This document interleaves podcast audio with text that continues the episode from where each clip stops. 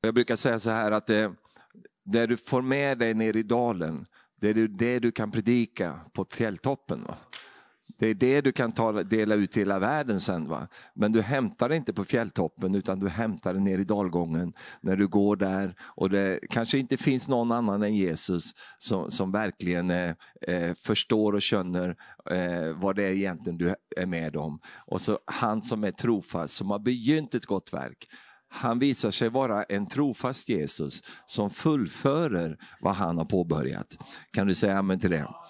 Så därför så när jag, när jag var eh, nere här eh, för Telling eh, under en period, jag, jag delade lite om det igår men jag, jag ska inte gå in på det nu, utan bara det att det var en väldigt tuff period då. Och då så fick, eh, kom det till mig, att den, som Herren sa till mig, Stefan det här är inte bara för dig, utan jag vill att du ska eh, ha med dig det här ut nu för att det är många som kan behöva få eh, tips och råd och hjälp på olika sätt när man själv möter olika saker.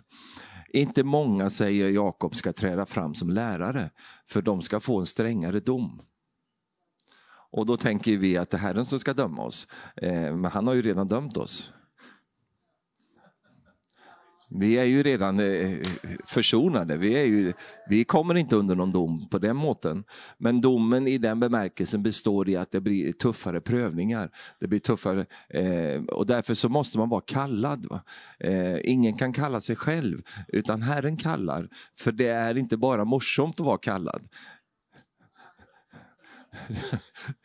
Ibland tänker man sen vad skönt det hade varit att bara, för jag, jag tittar på när de, när de kommer och tömmer soporna de gör det varannan vecka i, i, där vi bor. Så kommer de och tömmer det. Då tänker jag så här, vilket underbart jobb alltså. Det, du har gjort det? Visst är det underbart? Alltså, du bara kommer dit, tömmer sopor, gör folk glada, tar deras skit. Va? Eh, och så åker du vidare bara. Det är inte konstigt att de här sopgubbarna, de ser alltid glada ut. Va? I alla fall de som kommer hos mig. Va? De, de ser alltid, därför att jag är glad för dem. Vet, du vinkar åt mig så här på morgonen. Och då tänker jag ibland så här, det där var, var skönt. Va? Men jag är inte kallad till det. Jag hämtar andra typer av sopor. Så jag ska plocka med mig en del här idag, jag ska slänga det på... Jag tar med, jag tar med mig det till, till Golgata och slänger det där, halleluja. Amen. Men då, därför så, så, är det ingen idé att, att, att, klaga där och då tänker man ibland att men varför ska jag behöva ta den här rundan här? Jo, men därför att det finns lärdom att ta med sig. Det finns, det finns en utbildning som man gör tillsammans med Herren. Och så tar man med sig det. Halleluja. Amen. Och jag har ju upptäckt i mitt liv att jag har faktiskt fram till denna dag kommit igenom allt. Och det är bara Guds nåde. Eh, för att det är en ting att gå in i saker, men man ska ju komma ut också. För, för en del går in i grejer och så, så blir de kvar där. Och vi tittar lite grann på dödsskuggans dal idag och se hur, hur det, det står att när, det, när, du vandrar igenom dödsskuggans dal, inte att du kampar där och, och, flyttar in där och så ska du bo där resten av livet. Det är en period som man kan få gå igenom, men man kommer igenom på andra sidan och godhet och nåd ska följa dig i alla dina livsdagar. Det ska vara det som, som står igen efter ditt liv. Halleluja. Jag sa halleluja. Och titta på patriarkerna, titta på de som, som, som finns nedtecknade i Guds ord. Se hur deras liv, det säger ju Hebreerbrevet, se hur de slutade sina liv och efterfölj deras vadå? Tro. Därför att tro är tidlös. Va? Eh, de som levde på den tiden de hade andra förutsättningar. De, levde med, de hade inga mobiltelefoner, ingenting sånt, men de hade tro. Och, och tron är tidlös. Va? Den, eh, vi kan hämta inspiration från de som gick före oss långt, långt innan eh, eh, vi fanns. Va? Så gick de före och vi kan efterleva och följa deras tro och deras exempel. Vi behöver inte följa deras liv, det går inte. Jag menar, du rider inte på, kom inte in här med kamel, utan du kommer ju med någon form av Tesla. Va? Det är något liknande. Men, men, men, men, men har, vi har andra, eh, andra, eh, en annan konstitution idag än vad de hade på den tiden. Men, det, men tron är densamme. Och tron fungerar i alla tider. Och det är den som vi vill ta upp och det är den som vi vill följa. Och jag har sett många gånger att eh, man, man tar upp saker som egentligen bara är timliga. Va? Och så gör man det till någonting varande. Men, men Herren har ju en annan tanke. Eh, och, och eh, Du kanske läser någon bok eller sådär och så tänker du så där ska jag göra. Yes. Du vet Jesus han, han, han tog ju upp lerklump eh, och la i ögonen på den blinde. Det gjorde han en gång. Va?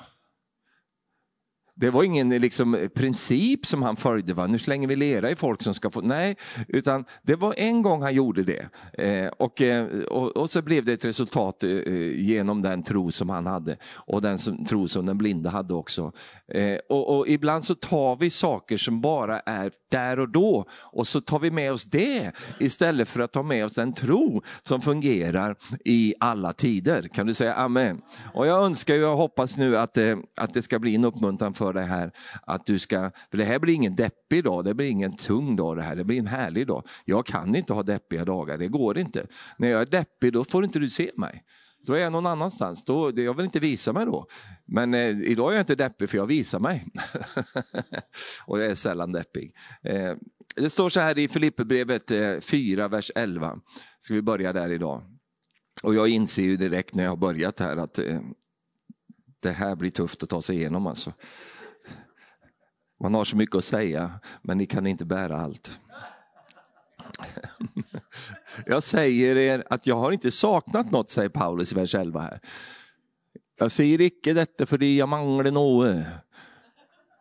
Och så kommer det som jag vill att du ska ha med dig här. För jag har lärt mig. Här har du då professor Paulus. Han var ju professor i teologi. Han hade väldigt mycket kunskap. Han satt vid den främste institutionen som fanns vid den tiden, Gamaliels fötter. Han var alltså en väldigt lärd man. Han kom från Tarsis. Det betyder att han, eh, han, han kom från eh, eh en överklass skulle man kunna säga. Han hade säkert tjänstefolk och eh, växte upp eh, fint där han bodde. Och han fick det romerska medborgarskapet eh, på grund av att hans far eh, hade den här eh, kopplingen till romarriket. Eh, så, så hade han det i arv och det benyttade han sig av väldigt mycket. Alltså. Halleluja. Det är bra att veta sina rättigheter, men det ska vi inte predika om nu. Men, men eh, så, så Paulus var, hade det väl förspänt kan man säga. Eh, och sen får han möta Jesus och sen får han gå igenom en utbildning hos Herren genom att få lära sig ting som man inte hade med sig från början. Det är mycket du kan lära dig av från böcker, teorier och te teoretisk kunskap. Det är jättebra eh, och, och, det måste vi ha också. Men sen finns det en, en lärdom som kommer av att vi får möta på saker i livet. Och Jag tror inte att Paulus hade någon slags förberedelse för hur man gör när man sitter i fängelse. Jag tror inte det var med i hans koncept. Liksom, att det, ja, nu kommer jag ju sitta en del i fängelse också, då är det bra att lära, läsa mig in mig lite på det. Utan han hamnade i situationer där han fick eh, eh, skaffa sig ny kunskap. Kunskap som han inte hade med sig från början. Han, han var ju en lärd man och ändå säger han, jag har fått lära mig vissa ting. Så. Och, det, och vad han då har fått lära sig det är att få vara nöjd med det jag har. Jag kan leva enkelt, va? Men jag kan också leva i överflöd. Alltså en del har svårare att leva i överflöd än att leva enkelt. Eh, men, men eh, vi hoppar den. Eh, men han fick i alla fall lära sig detta. Va? Därför att han var van att leva i överflöd och nu fick han leva enkelt. Och då var han lära sig att, att, eh, att kunna förhålla sig till det. Med allt och med alla förhållanden är jag förtrogen. Jag kan vara mätt, jag kan vara hungrig och jag kan leva i överflöd och jag kan lida brist. Allt förmår jag i honom som ger mig kraft. Det här är den slutsats han kommer med här nu när han då har gått igenom sin utbildning. Att han har fått upptäcka, jag behövde lära mig de här sakerna. Och det var det livet lärde mig när jag fick vandra med Herren och möta på olika saker. Då kommer jag till den här platsen att jag har lärt mig. Amen. En sak du får lära dig genom livet är att den rättfärdige måste lida mycket. Nu ångrar du att du kom på det här seminariet. I psalm 34 så står det så. Den rättfärdige måste lida mycket. Alltså det är en tvingande nödvändighet. Det ligger i ordet måste.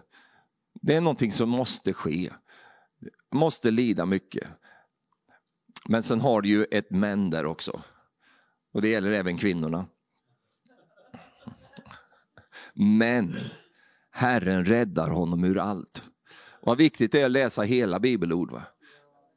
En del slutar på mitten där så lägger de upp en hel teologi på det. Men det står faktiskt att Herren räddar honom ur allt. Det här är ju temat idag, genom allt. Va? Visst, vi måste lida mycket, det är ingenting vi behöver liksom, det, det, är ingen sensation om vi får lida mycket, det ingår i paketet på något sätt. Jesus säger, eh, vem var han heter nu igen, ehm, Ananias, som var tvungen att gå till eh, eh, Paulus, han fick, ville ju inte det för han var ju rädd för honom. Och då så säger han, jo men jag har kallat honom och jag ska visa honom hur mycket han ska få lida för mitt namns skull. Wow. Är du inte glad att inte Herren talar om sånt där för dig i början? Det där kommer lite smygande allt eftersom och då tänker du kära någon, alltså vad väldigt vad det var mycket utmaningar här. Och då är, det ingår så att säga. Va? Men då är frågan, vart lägger vi själva betoningen här då? Va? Jo, betoningen eh, kan inte ligga på, ja just det, vi måste lida mycket, nej, nej, nej, nej. Utan betoningen måste ligga på Herren här. Därför att i min text så, så är Herren, det, det är liksom eh, stora bokstäver. Va? Det är inte den små, det är stora bokstäver. Herren räddar honom ur allt. Amen. Och det är det du ska ha med dig. Visst, det, det, vi möter prövningar och, och motstånd och, och, alla möjliga olika typer av saker. Men Herren räddar honom ur allt. Frir ham ut, tror jag det står på norska. Eh, alltså befriar honom ifrån alla ting som vi kan möta. I andra Korintierbrevet kapitel 1 så, så talar Paulus här igen och han pratar mycket om det här. Han nådens förkunnare. Han pratar mycket om sånt här också. Det saknar jag i den här nådesförkunnelsen, att man inte lyfter runt de här bibelverserna här. För i vilket sammanhang står vi i nåden? Jo, vi står i nåden mitt i eländet, mitt i utmaningar. Där finns Guds nåd, den är mig nog och den hjälper mig och den lyfter mig. Men det är också så att, eh, som Paulus beskriver här i kapitel eh, 1 vers 8, bröder, vi vill att ni ska veta vilken nöd vi fick utstå i Asien. Vi hade det mycket svårare än, vi, än vad vi kunde bära. Så att vi till och med misströstade om livet. Ja, vi hade redan inom oss fått dödsdomen. Och så kommer här hela poängen i det här. För att vi inte skulle lita på oss själva, utan på Gud som uppväcker de döda. Ur en sådan dödsfara räddade han oss och han kommer att rädda oss. Här ser du trospredikanten. Amen. Han räddade oss den gången och han kommer fortsätta att rädda oss. Till honom står vårt hopp att han även i fortsättningen ska rädda oss. När också ni hjälper oss genom er förbön så kommer många människor att tacka Gud för oss, för den nåd som vi har fått. Så man måste se i vilken kontext, är det rätt bibel? Ja, det har han. Eh, i vilken kontext hela saken handlar om. Eh, och det, det, är Paulus väldigt bra på att beskriva. Han, han är inte rädd för att berätta ut vad det är han har fått gå igenom. Han talar ju om alla faror som man får vara med om. Allting som man har mött bland, bland, på, på land till sjöss och bland falska bröder och allt möjligt. Eh, som beskriver om man tänker, kära någon, alltså att du ens överlever. Och så skickar han in Filippebrevet och säger, var alltid glada. Och Det är fantastiskt med detta brev till Filipperna där, där Paulus skriver det brevet från fängelset. Där han skickar och uppmuntrar de som inte sitter i fängelse och talar om för dem, kom ihåg att vara glada hela tiden. Och förresten, gör inga bekymmer om någonting utan det, låt Gud veta allting. Det, då kan ju någon tänka sig, är han inte riktigt frisk den killen? Jo, han är mycket frisk. Men de som var utanför fängelset som verkar vara lite småsjuka hela tiden.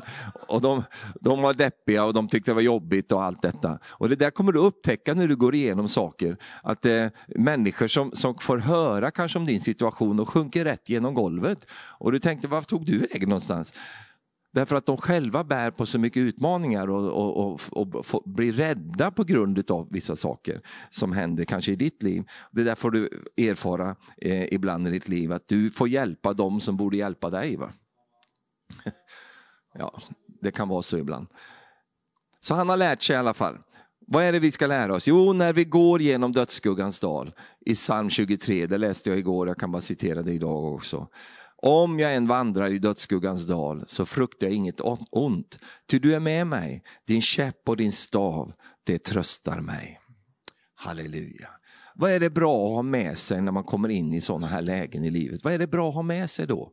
Jo, det finns vissa saker som du behöver veta eh, när du kommer in i de här olika lägena i livet. Eh, jag, ska ta, jag ska lista några sådana saker. Vissa saker som är, är, kan vi säga, grundbultar för hela din fortsatta vandring. Du ska komma ihåg en sak, att djävulen han attackerar inte dina specialiteter utan attackerar grunden du står på. Oj, oj, oj. För vi har ju olika grejer som... Det, det lämnar han åt sidan, för det är inte avgörande. Utan det som är avgörande är om du står på fjället eller om du står på lösan sand. Eh, och eh, därför är det så viktigt med grunden i våra liv, att den sitter där. Va? För när du kommer in i olika prövelser och olika utmaningar, så är det där det skakar. Va? Och det är det här som fienden, han, han, han är avväpnad men han är fortfarande eh, lurig. Va? Han är listig. Och det märker vi att han är. Va? Och, eh, eh, bara ta till exempel den utveckling som har varit i Europa. Så ser du det att vi har en, en, en period av, eh, av 200 år av humanismen. Eh, den, den, den slog följe kan man säga med väckelserörelserna eh, när de kom. Eh, och, eh, och så. Och den, den, den liksom jobba långsiktigt. Där man mm, i, i ett eh, läge gjorde en förflyttning. För det är ju det som är humanismen, humanismens rot, alltså inte att, inte, inte att vara human, vara mänsklig, utan humanism, ideologi.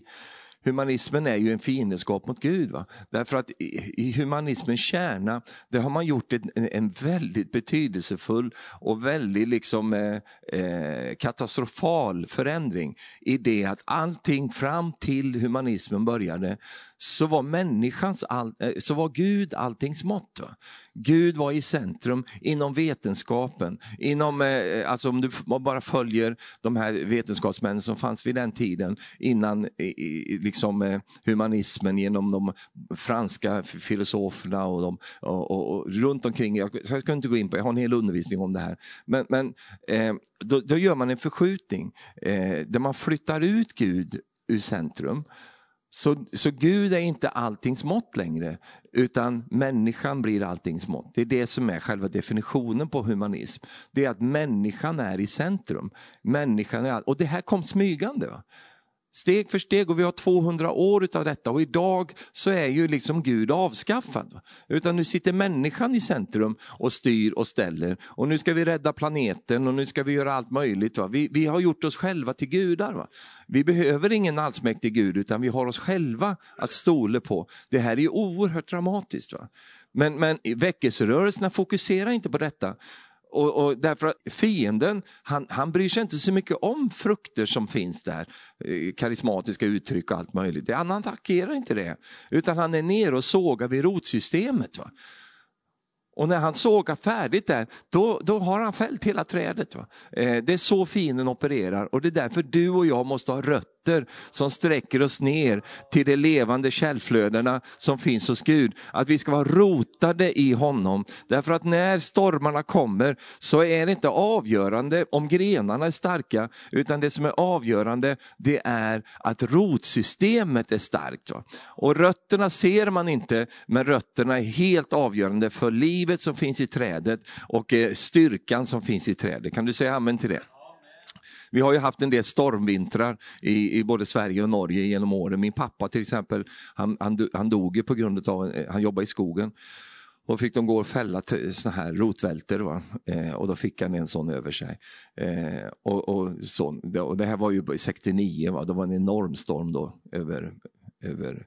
Men det pratade de inte om som ett klimatproblem på den tiden. Hade de gjort det, då var det extremväder. Och det är ju... Tänk vad mycket extremväder vi har haft den här sommaren. Jag tänker, käre gud, jag tycker det är mer som en vanlig sommar, det regnar det mesta. Men det är extremväder, så fort solen tittar fram så är det extremt. Men det, du, du känner vem jag är va? Ja. Men i alla fall så, så så de här stormarna när de kommer in i livet, va? de kan knäcka träden, va? de kan göra eh, allt möjligt. Men vet du vad? Du ska vara som en palm. Va? Det finns palmer som, som, som växer i stormområden. Va? Och vet du vad? De, de har en, en böjbarhet. Va? Så de böjer sig ner. Va? Och när stormen bedarrar så den rättfärdige faller sju gånger, men han står åter upp igen. Va? Att det finns något liksom väldigt starkt och senigt i de där träden och det är vad du och jag ska ha också. Så när vi då går igenom olika saker i livet som möter oss, och då kallar vi det för dödsskuggan, det, det här är eh, tufft för oss när vi möter de sakerna, då behöver vi veta vissa saker. Eh, och vi behöver ha det, det behöver sitta där. Det eh, inte så att du, oh, hur var det med det där nu? Utan det måste komma ur din ande. Och det är att du behöver ha kunskap om Gud när du möter saker. Vad menar jag med det? Jo, du behöver veta, inte bara teoretiskt utan i ditt hjärta, att Gud är god. Att han är bara god. Va? Det finns inte någon, någon liksom skugga i honom utan han är bara ljus. Va? Han är bara god hela tiden. För att om du börjar eh, liksom ifrågasätta det, så vad som händer då, det är att du börjar, då, då så fienden tvivel i dig och då tappar du trons initiativ. Därför att, ah, vad har jag Gud någonstans nu här? Är han emot mig på något sätt eller har det hänt någonting? Eh, och allt det där som vi kan börja ställa oss frågor när vi möter saker. Du måste veta att Gud är god.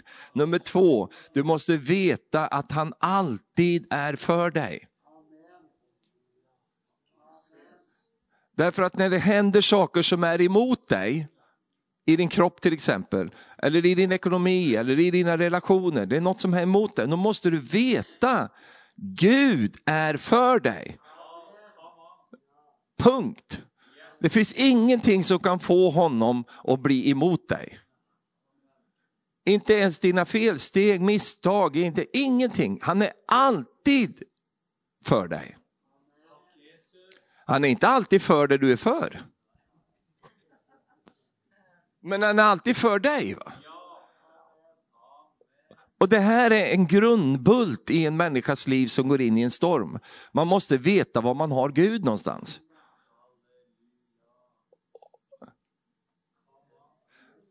För du vet, det är inte alltid det är någon som sitter och spelar fint på ett piano jämte dig när du sitter där och har det jobbigt. Utan det är oftast något annat som spelar där. Och då är det viktigt, och du vet att vi kan inte bygga ett känslobaserat, eh, eh, känslobaserat förhållande till Gud. Därför att känslor, vet du, käre Gud, alltså, vad, vad de kan hålla på. Alltså. Inte dina men mina. Eh, alltså, och vi är ju kännande människor. Det ska vi vara glada för. Vi är ju inga robotar, utan vi känner in saker. Men du, du känner vad du tänker. Du fick inte med dig den, men jag tar den igen då. Alltså, du går omkring och känner saker. Varför känner du vad du känner? Jo, vi känner vad vi tänker. Så därför står det i, i Guds ord, all tanke på förtryck var det fjärran ifrån dig. Alltså förtryck är ju en födelsekänsla, det är ju eh, ångest, det är för, alltså betryck, depression, det ligger i det ordet. Det är en födelse, det är något man går och känner, känner sig betryckt idag. Men varför gör jag det? Jo, därför att det finns en tanke på betrycket. Och då botar man inte det genom att få ordning på, på, känslan, utan man måste få ordning på tankarna. Och då går det ibland tillbaka till att min bild av Gud är inte riktigt grundmurad. Den är, sitter inte riktigt där, utan jag börjar med att ställa mig spörsmål, är Gud för mig nu? Nej, för nu händer hemska saker. Och, och kära någon, eh, har jag gjort något eller har det hänt något? Ja, men du vet ju hur vi är, vi människor. Han är alltid för dig. Jag måste kasta in den här. Jag, jag lärde mig en ny sak när jag gick igenom de här eh, grejerna när jag var på sjukhuset. Då hade jag så ont på ett visst ställe. Va? Jätteont. Va? Vad skrattar alla män för nu? Jag sitter och tänker på. Jag hade så ont. Va? Och då så sa jag till eller läkaren, jag har så ont. Alltså. Nej, men det är inte där du har ont. Så. Då skrattade jag lite hånfullt till honom. Jag vet väl var jag har ont någonstans. Ja, men det är vad du tror, så. Utan du har ont in i operationsområdet.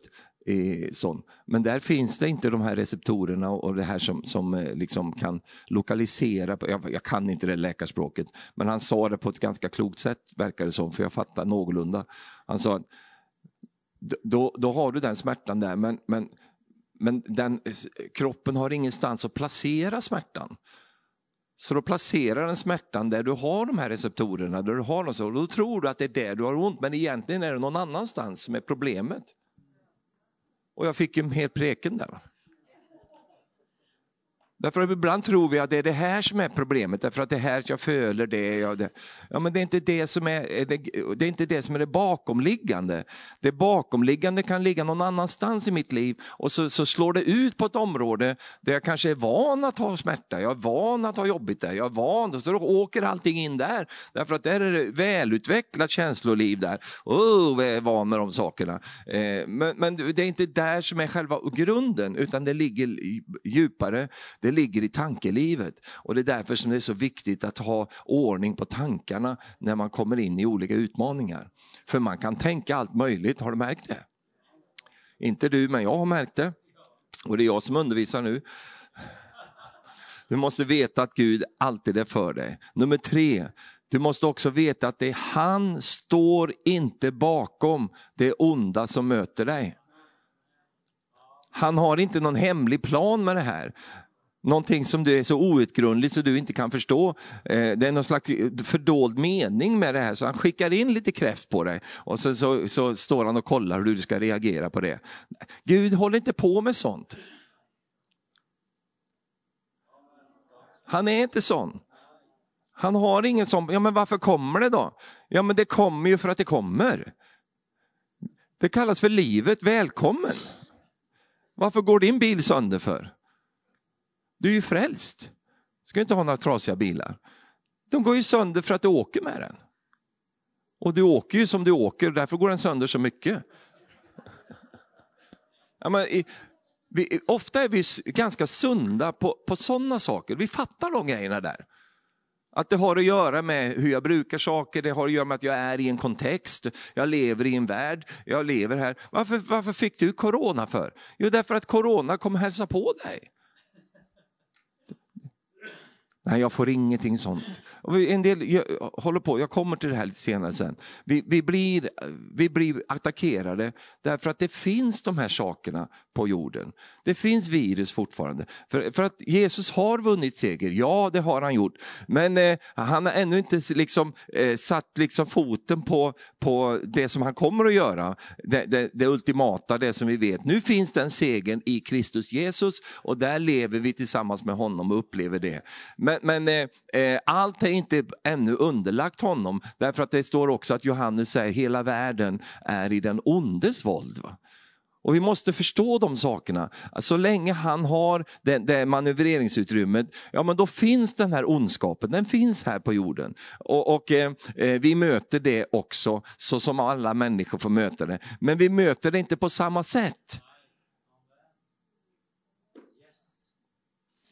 Och, och det, är, det är egentligen hela poängen här idag. Att vi, det är inte så att vi, vi bara faller ner i allt sammans och är precis som vanliga människor. Du är ingen vanlig människa. Du har ju, Herren bor ju i dig. Då är man inte vanlig. Då är man väldigt ovanlig alltså. Halleluja. Och man är extraordinär. Och vi har den Helige ande. Vi har hjälp ifrån honom. Men det är inte så att inte saker drabbar oss. Det gör det. Det drabbar oss. Eh, och ibland kan man undra, att det drabbar oss nästan mer än man, man, man tycker att andra får bli drabbade. Men det är bara bara som man tänker, utan alla blir, för att inga andra frestelser har mött än vad som vanligen möter människor. Så det här, det här finns här. Jag sa det här finns här. Och du kan läsa i de första i apostlagärningarna, du kan läsa om Paulus och du kan läsa om eh, Timoteus som, som blev sjuk och fick det jobbigt med magen och allt möjligt. Eh, och sånt. Och han levde ju nära helbrägdagöraren Paulus och ändå hade han problem med magen. Det kanske var, det var mycket att göra. Va? Alltså det, det, det fanns där. va. Så det, det, möter oss därför att det finns här. Och vi, och vi får, vi får eh, eh, vara rustade för att handskas med de sakerna. Det är bara sånt det här. Eh, men det är inte så att Gud är den som initierar det här. Det är inte Gud som sänder de här sakerna. Det, det, finns ju, men det vet jag att du inte tror på, så det tackar vi Gud för. Men det finns de som gjorde det. Mm, eh, kanske inte, jag vet inte hur det är idag, men förr i tiden så var det ju vanligt att Gud var den som skickade både gott och ont på oss. Så han hade både, både en liksom klappande hand och en knytnäve. Det beror, eh, lite beroende på vad, vad, vad, han tyckte du behövde. Så han kunde dämma till dig med en hammare ibland och, och säga till dig eh, någonting som man ville lära dig. Men, men, men den bilden har vi korrigerat genom att vi har fått tag på evangelium. För att Gud är inte en Gud som är psykopatisk. Va? Utan Gud är en Gud som är precis det du vill att han ska vara i ditt hjärta. Nämligen en trofast, kärleksfull fader som bara är, eh, bara är på din sida och bara vill hjälpa dig. Halleluja. Amen. Han står inte bakom det onda som möter dig. Och du ska veta om Gud också, att han alltid har en räddningsplan. Oavsett vad du möter. Därför att eh, Jesus kallas för frälsaren. Vad tror du man håller på med då om man, man, man kallas för det?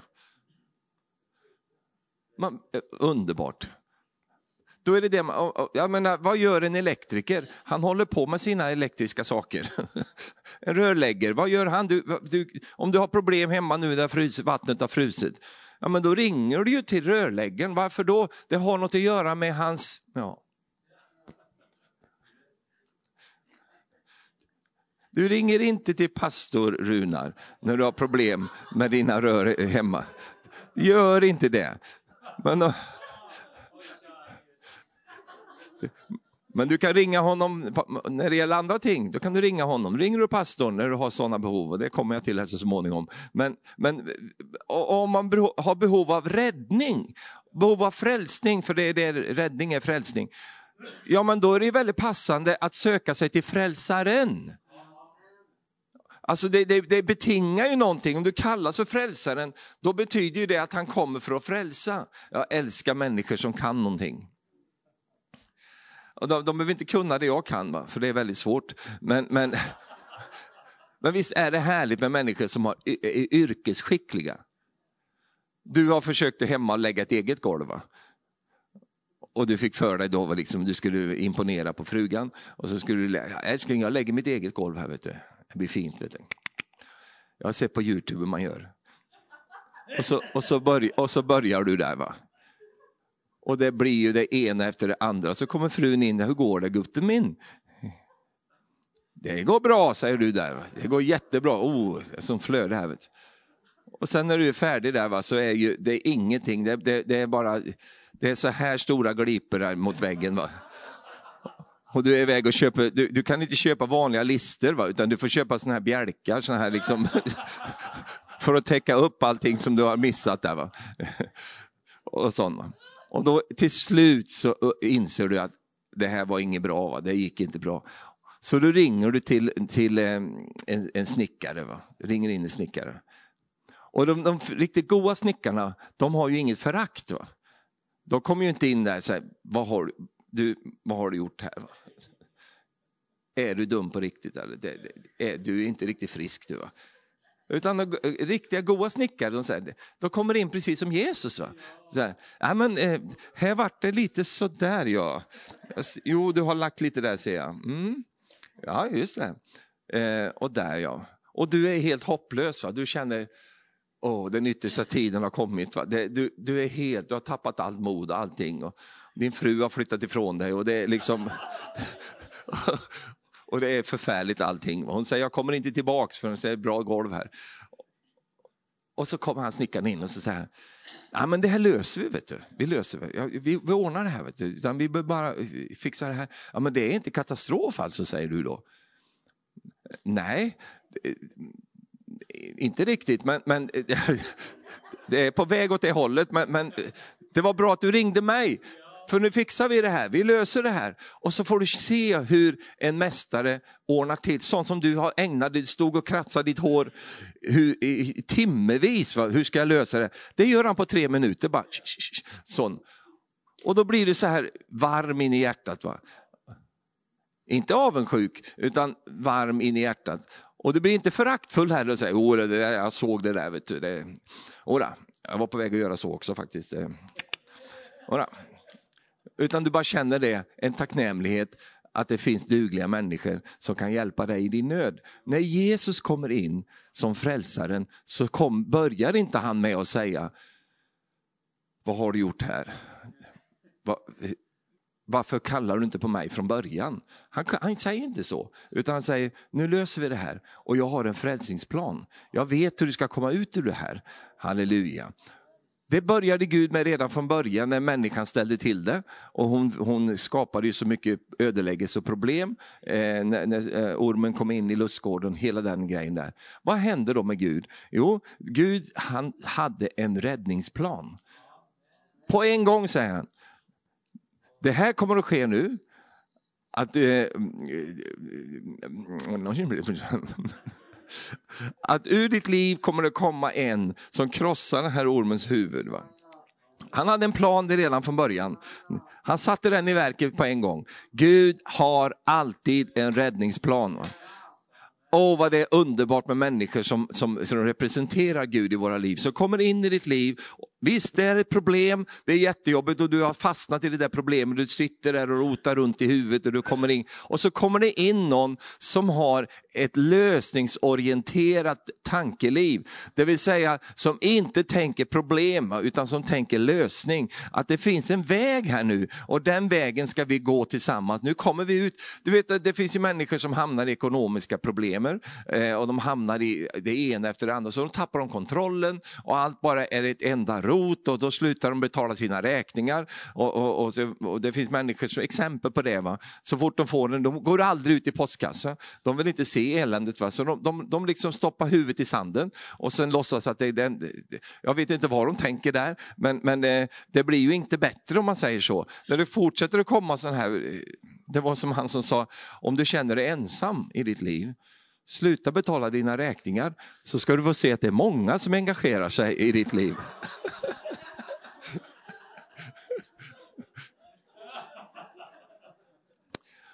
Vi har ju sån här i Sverige, program, jag tror det finns på norska också, Lyxfällan heter det. Och jag, jag, tycker det är så härligt att se, för de här som kommer och ska hjälpa till, då, de, de är så kärleksfulla. Och de kommer ju in i situationer man tänker, gode tid, hur lyckas ni hamna här? Men de har inget förakt, de har inte liksom, åh din klantskalle, utan de kommer in med kärlek. Va? Och så vill de, de har en enda sak, de vill hjälpa de här människorna att komma ut ur sina skulder. Och ibland lyckas de, ibland lyckas de inte. Men eh, oftast går det i alla fall bra mycket bättre för dem. Men det är, ju, det, det, är ju fantastiskt med människor som trots att det är så jobbigt ändå har en tanke av det finns en lösning på det här. För det finns inget problem som inte går att lösa. Ja, han har alltid en frälsningsplan. Så det här behöver du, det är mer du behöver veta om Gud, men jag bara tog de här sakerna som är grundläggande. Att vi behöver ha det med oss. Va? Jesus är aldrig ditt problem, han är alltid din lösning. Va? Ja, halleluja. Det behöver du veta. Sen behöver du veta om dig själv saker också. Titta på din granne och säg, han kommer närmare nu.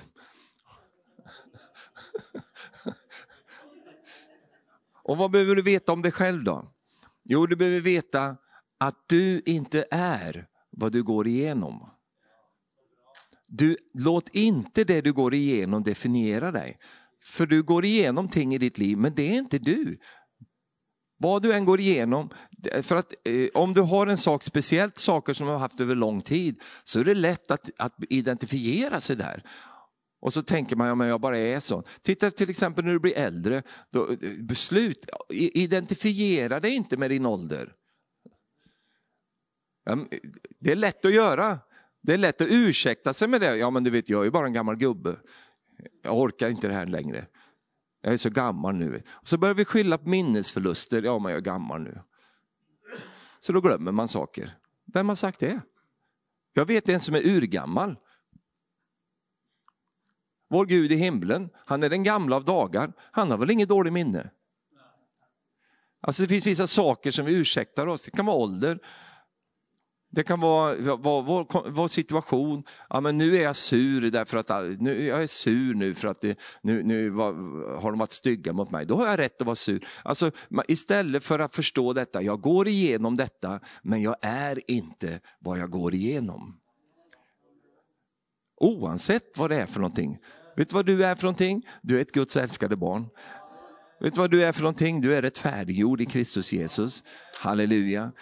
Du är mer än, än vad du möter.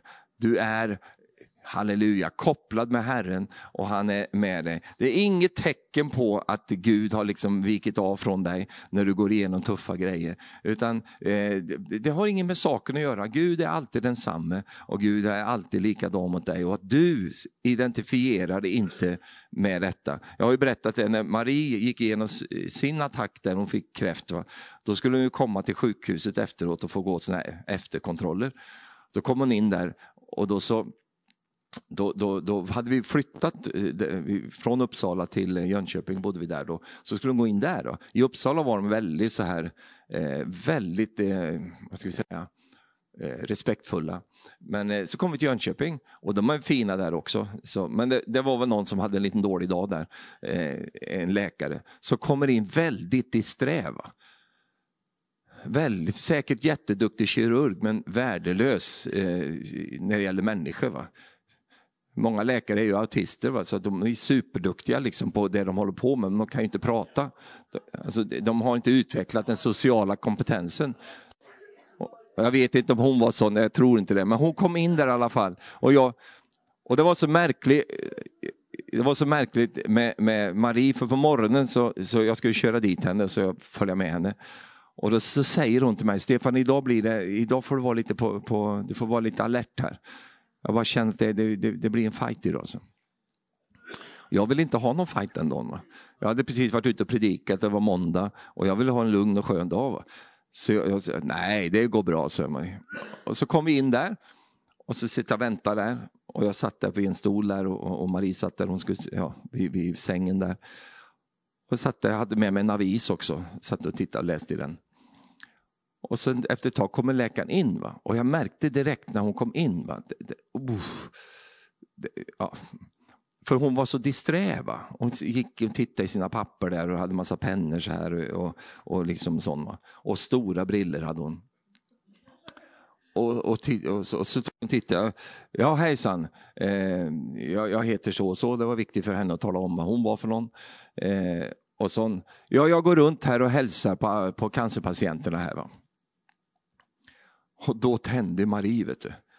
Och, och hon, hon, är farlig Marie när hon tänder sådär. Va? Det, uff, jag vill inte att hon ska göra det, men hon gjorde det i alla fall. Hon har ju såna gröna ögon, vet du. Så, och, och så startar, startar hon upp sin svets. Va? Och så tittar hon på den här läkaren. Vad sa du? Jag, jag, jag, jag, jag pratar med cancerpatienten här. Och, då, och jag direkt, det var väldigt intressanta artiklar i tidningen där så jag kände att jag började läsa i dem där. Och, och då säger Marie så här, jag heter inte cancerpatient. Jag heter Marie. Eh, eh, eh vad, vad, menar du? Ja, två saker, sa Jag har ingen cancer. Jag är inte här för att jag har cancer. Jag är fri från min cancer. Den är borta. Och nummer två, jag är inte patient. Jag är inte inskriven här. Jag är bara här på efterkontroll. Så du gör alla fel här i boken. Jag heter ju Marie, det står där uppe på den här pappren du tittar på där. Så. Det står vad jag heter där. Jag heter Marie. Så. Och då, vet, då, då, då, då backar hon. Vet du. Men Marie var inte färdig. Vet du. Och du vet, det är som catfight. Va? Och så, så säger Marie så här.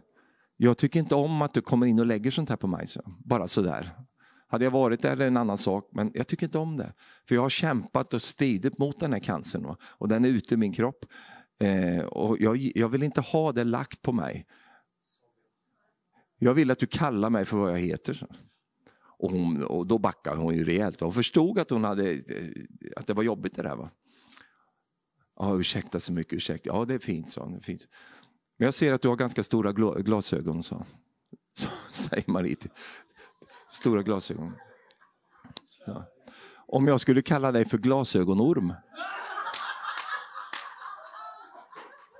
hur skulle du känna det? Så? Hur skulle du uppleva det om jag säger det till dig? För du har ju rätt, du har ju glasögon, det var ju riktiga grejer.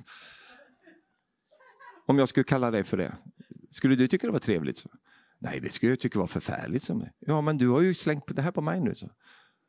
Och jag tyckte ju själv att Marie, ta inte i så. Ja, men, slappa av liksom. hon, hon gör bara... Men jag förstod då, efteråt där, att nu hade Marie blivit frisk. Hon var, hon var, och det här är ju 20 år sedan, hon är verkligen frisk alltså. Och nu hade hon vunnit en seger. Men nu ville fienden permanenta någonting som bara var temporärt i hennes liv. Och det är det här som är så viktigt att förstå. Jag är inte vad jag går igenom. Jag är ett Guds barn. Jag är ett färdiggjord. Jag är helad genom Jesus år. Och kalla mig inte för en diagnos. Tala inte om för mig, jag kanske har en diagnos, det har jag säkert. Men, men, men det är inte den jag är. Vi har ju en sjuka här i tiden att man så gärna sätter saker, och vi vet detta i, i Sverige, att många som då när de växer upp så har de kvar den diagnosen. Och så har den blivit en, en, en begränsning för dem. Och så får de kämpa för att bli kvitt de där sakerna sen, för livet ändrar på sig om du var så när du var mindre kanske på olika sätt och så skyndade sig eh, samfundet att sätta den där på dig. För att det är lättare att hantera det kanske eh, med mediciner och allt möjligt. Och sen så vandrar du ut ur detta men diagnosen sitter kvar. Det är ett mycket stort lidande för många människor. Vet du vad? Du är inte vad du går igenom. Du är någonting annat. Kan du säga amen till det?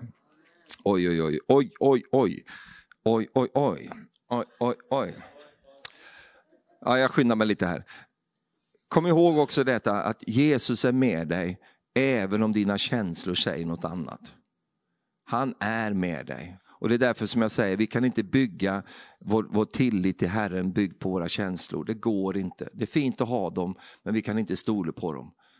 Utan vi måste bygga vårt liv på ett starkare fundament, det var jag inne på. Och förstå också detta om dig själv, att Jesus har full koll, även om du inte har det.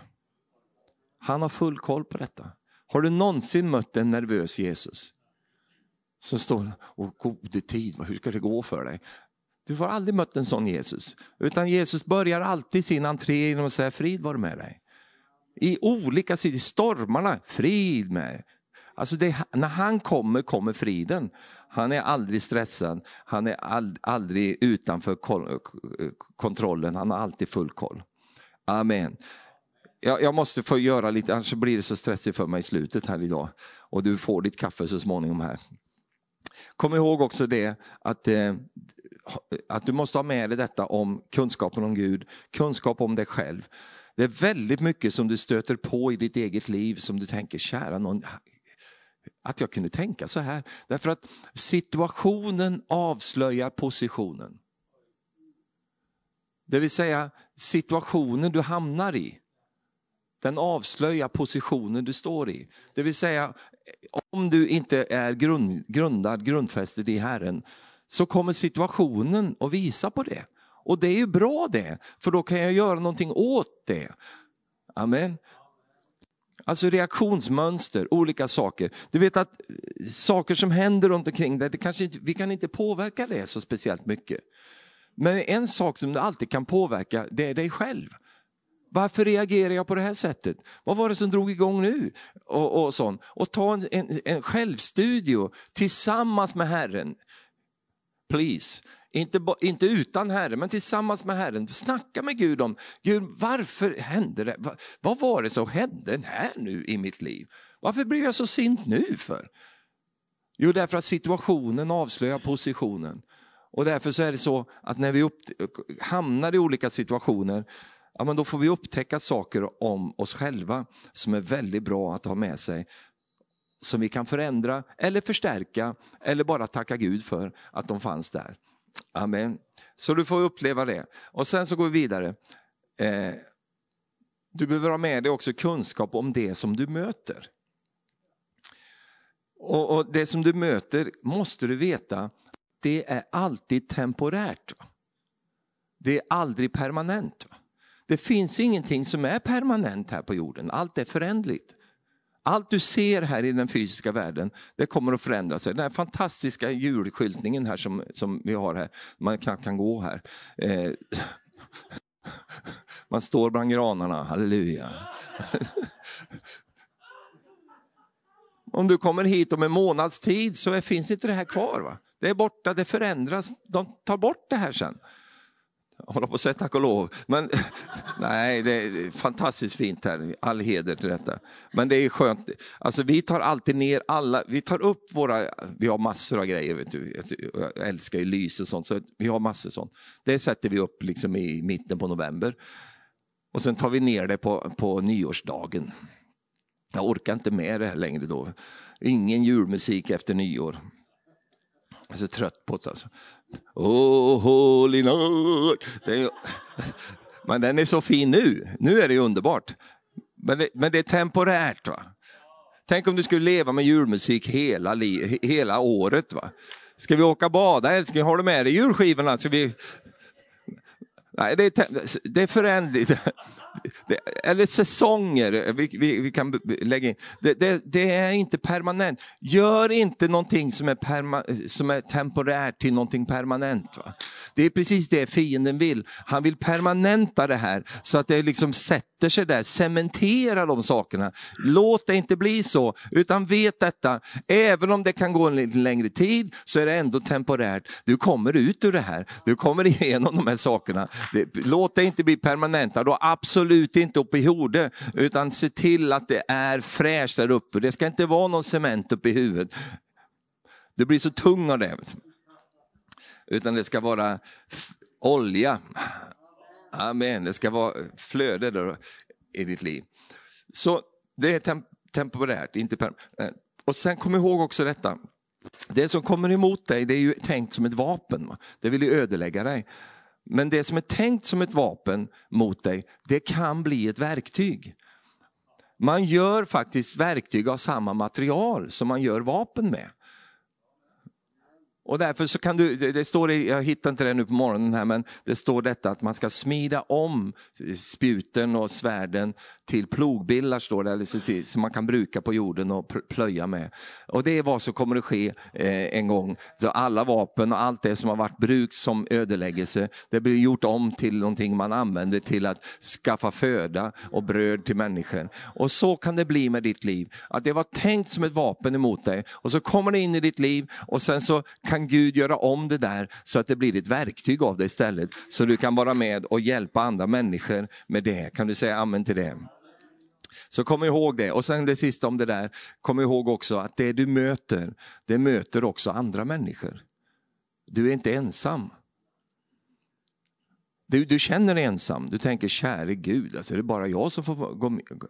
Nej, det finns väldigt många som går igenom det. Inte för att det trivialisera eh, din utmaning, men att förstå detta, att det här är mänskligt lidande. Människor går, du, du anar inte många människor som lider idag på sjukhusen och hospitalen runt omkring i Norden. Människor som, och vi ska ju tacka Gud att vi bor här uppe, där man har så mycket, eh, mycket bra saker som kan hjälpa till. Men människor får gå igenom olika saker. Vet detta, att eh, du är inte ensam i det här, utan det är många som får möta. Inte för att, det, det sa den här läkaren till mig, Stefan du ska veta att detta det är inte ovanligt det du har, varit, det du har nu. Så. Och då sa jag så här, nej det kanske det inte är, men det är väldigt ovanligt för mig. Så. Jag har aldrig haft det här förut. Och då backade han Ja, jag vet, det är helt fel att vi säger så här. Därför att det, varje patient är ju unik. Va? Ja, men jag har aldrig varit med om det. Och de försökte trivialisera lite grann, jag berättade lite mer för ledarna igår, men, eh, för jag fick en del komplikationer. Och så sa han så här, ja men det sånt här händer, vet du, sa han. Det, det, det händer. Jo, det händer, men det har inte hänt mig förut. så. Det, det är inte du som har gått med den här smärtan som jag har fått gå med här nu. Det är du som har skapat den. Ja, just det. Och det är lätt att tänka så att det, det, det, blir liksom, men det är ju många som har det här problemet. Det är, det är inte det jag menar, utan med den födelse man kan ha, att man är alene i kamperna. Det är vi inte. Jag har aldrig under min, min liksom 40, jag har tjänat Gud i 40 år, jag har aldrig någonsin mött en familj som inte har ett kors på något område. Det kan vara något barn, det kan vara någon, någon annan situation, det kan vara en sjukdom, det kan vara allt möjligt. Men ett kors finns det och många har flera kors i sina familjer som de får möta, och stöta, blöta. De berättar inte ut det för alla, men alla har ett kors i sitt liv där man känner att käre Gud, alltså, hur ska det bli med det här? Du har kanske många barn och så har du något av barnen som du får kämpa med lite extra eh, och, och, allt det där. Och som du får ligga vaken på nätterna och känner hur ska det gå för dem och allt det där. Det finns i alla familjer. Det finns... Jag tycker det är lite skönt att veta det. Va? Därför att du vet ju när du kommer till menigheten och du, och du ser folket där, åh så glada, så, det, det, det ser ut, de har inga problem. liksom.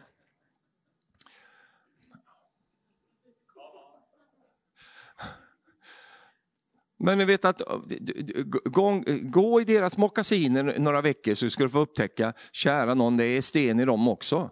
Det är grejer där också som händer. Det, är allt möjligt. det finns inga perfekta familjer, det finns inga perfekta situationer. Det är vad det är.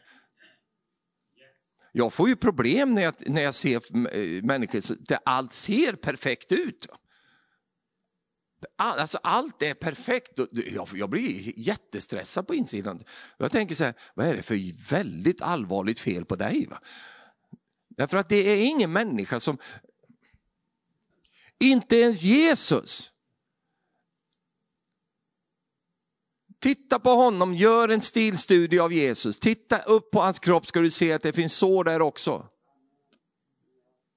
Och han, han, inte, han går inte till någon makeup liksom artist och säger kan du bara ta bort de där såren, ser inte bra ut, liksom, förstör min image. Va? Utan han visar, det första han visar fram, kolla här, jag har också sår här. Bara så du vet så att du kan slappna av du. Jag ska hjälpa dig, men det är inte vilken hjälp som helst, utan det är sårmärkta händer som hjälper dig. Han har också gått igenom saker och han vet precis vad det betyder att möta olika saker. Vet detta i ditt liv. Ja, nu känner jag att du vill ha kaffe, men det får du inte. För att eh, Jag måste få ta en sista grej, kan jag få göra det? Ja, blir det kortare nästa sektion? Nej, den blir längre.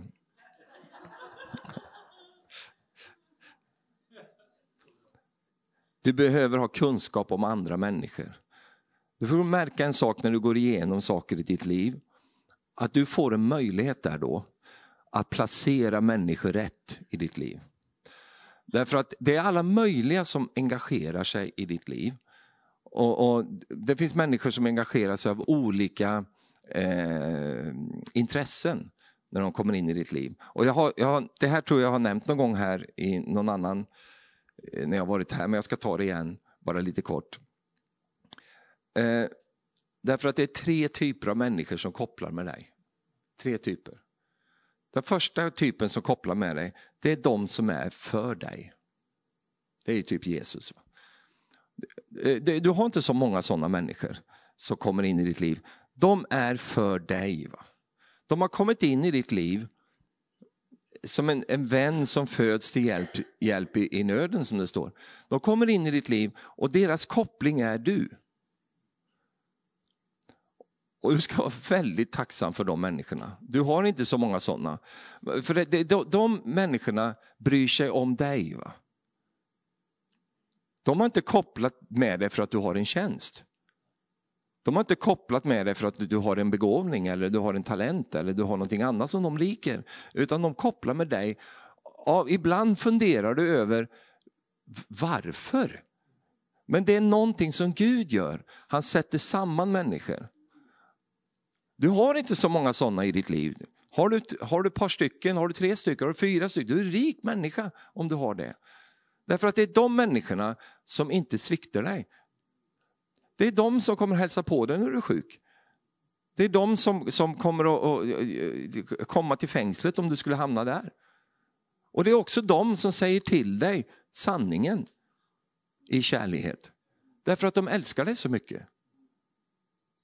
Det är de som talar till dig, men inte så mycket om dig.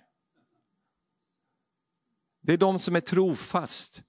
Och sådana finns. Det finns vänner som är trofasta mer än en broder. Om du har sådana människor i ditt liv, och det har du säkert, men upptäck dem och sätt pris på dem. Därför att det, det är väldigt rikedom att ha det. Sen har du de som de är för det du är för. De kommer också in i ditt liv. Och, och ibland kan man undra, är det mig du är för eller är du bara för det jag är för?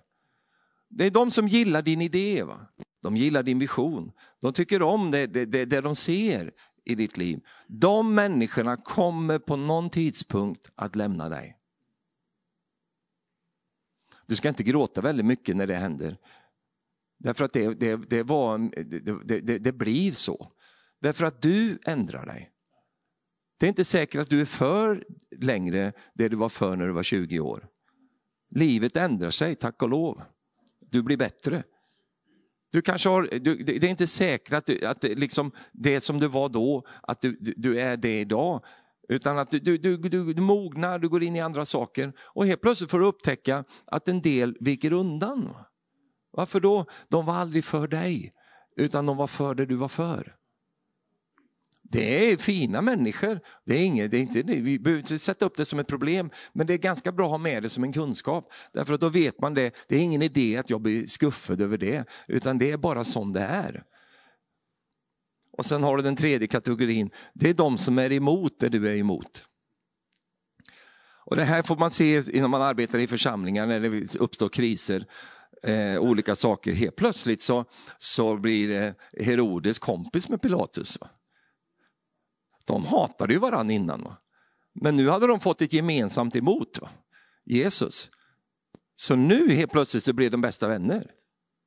För en tid. Och så här är det, att när vi har en antagonism, alltså det är någonting vi är emot, så söker vi kompisar som är emot samma sak. Det betyder inte att vi egentligen har så mycket fälles, men vi har någonting som vi vill kriga ner här. Och, och då kan det uppstå konstellationer som man tänker, hur kära någon, hur blev det så här? Jo, därför att det är ett gemensamt emot. Och de kommer också in i ditt liv, men du behöver ha ett obs på det. Varför är de i ditt liv? Har de kommit in i ditt liv därför att nu ska vi kriga ner katolicismen? Jag bara, det bara kom. Så nu är vi värsta kompisar här, för nu har vi något, nu ska vi kriga, eller nu ska vi göra det, nu ska vi göra det. Och, och, och, så finns det en väldig passion i de sakerna också. Det finns en väldig, helt plötsligt har vi fått en mening, det är någonting vi kan strida emot här. Ja men är det eh, sådana vänner som du egentligen behöver? För ditt emot kommer ju ändra sig också. Du kan ju till och med upptäcka att jag är inte emot det där längre. Då ska du få finna ut vilka människor som kommer att bli emot dig. För de var aldrig för dig, utan de, de, behövde dig för att, du skulle ha, för att de skulle få ett styrka och lite mer ammunition i deras projekt av att vara emot saker och ting. Och vet du vad? Vi är inte kallade att vara emot massa grejer. För jag, jag vill minnas att det finns ett bibelord som heter endast för sanningen förmår vi någonting. Mot människor har vi gott om. Men, vad tyst det blev nu då? Har du somnat? Nej men vi har människor, de är emot allt va? Oh!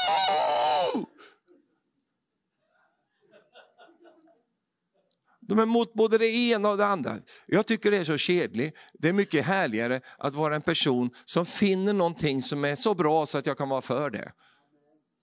Och så kan jag vara en sån person istället. Kan du säga amen till det? Jag säger inte att man inte har hållningar, att man inte liksom har värderingar och allt det där. Men man behöver inte, det finns ju kamper som du kan vinna som inte är värda att slåss för. Du måste identifiera dina kamper. Så du har de här tre människorna och du kommer att upptäcka när du går igenom saker och ting, när du själv är lite sårbar och allt detta. Du kommer att upptäcka vilka det är som, som investerar eller som engagerar sig i ditt liv. Du har de där människorna som de bryr sig om dig. De struntar i om, om, om liksom, åh, vad ska hända? Nej, utan de är, är måna om att du ska må bra. Att det, de, det, det är det som de, är själva saken. Sen har du ju de som kommer in, de är bara nyfikna. De vill pumpa information av dig för att de, de är inte intresserade, de är, de är Krösa-Maja. Vet du, Krösa-Maja hon är på alla kalas. Va? Vare sig hon är bjuden eller inte, hon kommer alltid. Hon är väldigt engagerad vet du. Oj vad engagerad hon är, nu sitter och dricker kaffe med henne. Åh, kära någon, du kommer att vara i centrum. Oh, vad intressant, berätta mer om den här sjukdomen. Åh, oh, får jag höra mer? Dola bola, det där låter som blodförgiftning. Det där, där dör man av de där sakerna. Oj, oj, oj, oj, oj. Och så tar hon någonting som kan vara ett embryo till att bli någonting helt annat längre fram sen. De fiskar upp lite information och sen kanske är du i en svag stund så ger du dem lite sånt då. Och så får du höra sen, på, jag har nämligen hört det själv, Stefan är döende. Han håller på att dö nu. Åh stackars, han var så fin den gutten, så ska han dö nu. Jag ska inte dö. Men Krösa-Maja var och hälsa på. Och i lite svagt ögonblick så sa man kanske lite för mycket än vad man kanske borde ha sagt. Därför man är lite öppen och så här. ibland är det livsfarligt att vara öppen alltså. Men jag kan inte ändra mig, jag är bara sån i alla fall. Men så får man höra på tredje, fjärde hand, kära någon. Jag visste inte att jag hade spedalska. Har jag det också? Man märker sådana där saker. Så därför ska det vara, det är därför du har, har liksom två ögon. Va? Du kan sluta ett och ha ett annat öppet så du kollar lite grann så i alla fall. Så du, det är därför du får vara som Gideons 300. Stoppa inte hela huvudet in i vattnet där och slörpla. Utan ta lite till munnen så och så spejar du omkring. Därför att det pågår någonting runt omkring dig när du är i de där lägena. Och du kan lära dig någonting om andra människor. Inte för att du ska bli eh, liksom, rädd för människor, men att du ska vara lite observant. Va? Mitt liv är viktigt. Det är ditt också. Så jag låter inte vem som helst komma in i mitt liv och ha en påverkan. Utan jag ser till att ska de komma in i mitt liv, då ska de vara den kategorin av människor som är för mig. Som gillar mig även fast när jag inte är gillbar. Som tycker om mig även när de ser skröpligheten. Som faktiskt uppskattar mig så mycket så att de kan slå till mig på käften ifall jag behöver det ja, kanske inte, men som kan säga sanningen till mig i all kärlighet därför att de bryr sig så mycket om mig. Sådana människor behöver vi. Halleluja. Och därför behöver vi ibland människor som inte bara bekräftar oss.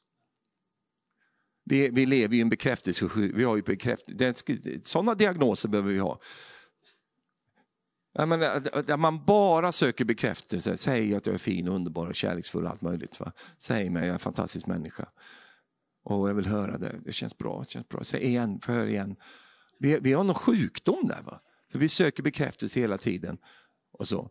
Men vet du vad du, du och jag behöver? Vi behöver ha människor som faktiskt provocerar oss till att komma vidare i livet. Och då kan man inte bara bekräfta, för då hamnar vi alltid i status quo. Vi kommer aldrig vidare. Utan det står att vi ska uppmuntra varandra och förmana varandra och hjälpa varandra att komma vidare på vägen. Men sånt vill vi ju inte höra. Vi vill inte höra att du kan bättre. Utan då blir det en hård, va? du är så hård. Nej, jag är en coach. Du kan bättre. Du är för fet. Börja inte titta på dig själv, jag pratar inte om dig nu. Jag pratar bara om svenskarna. Du är för, du är för smal, du måste spisa nu, ät. Vi, vi, vi, och du vet, sådana människor det är de som du har i din inre cirkel som kan, som kan säga sådana saker. Jag sa som kan säga sådana saker. Du ska inte låta vem som helst komma och vingla förbi och ha massa saker till dig. Utan det är de du har som du är förtrogen med. Kan du säga amen? Nu ska du få dricka kaffe. Förlåt att jag har hållit på så länge, men det blir längre sen. Jag ska bara uppmuntra dig. Så drick mycket kaffe nu.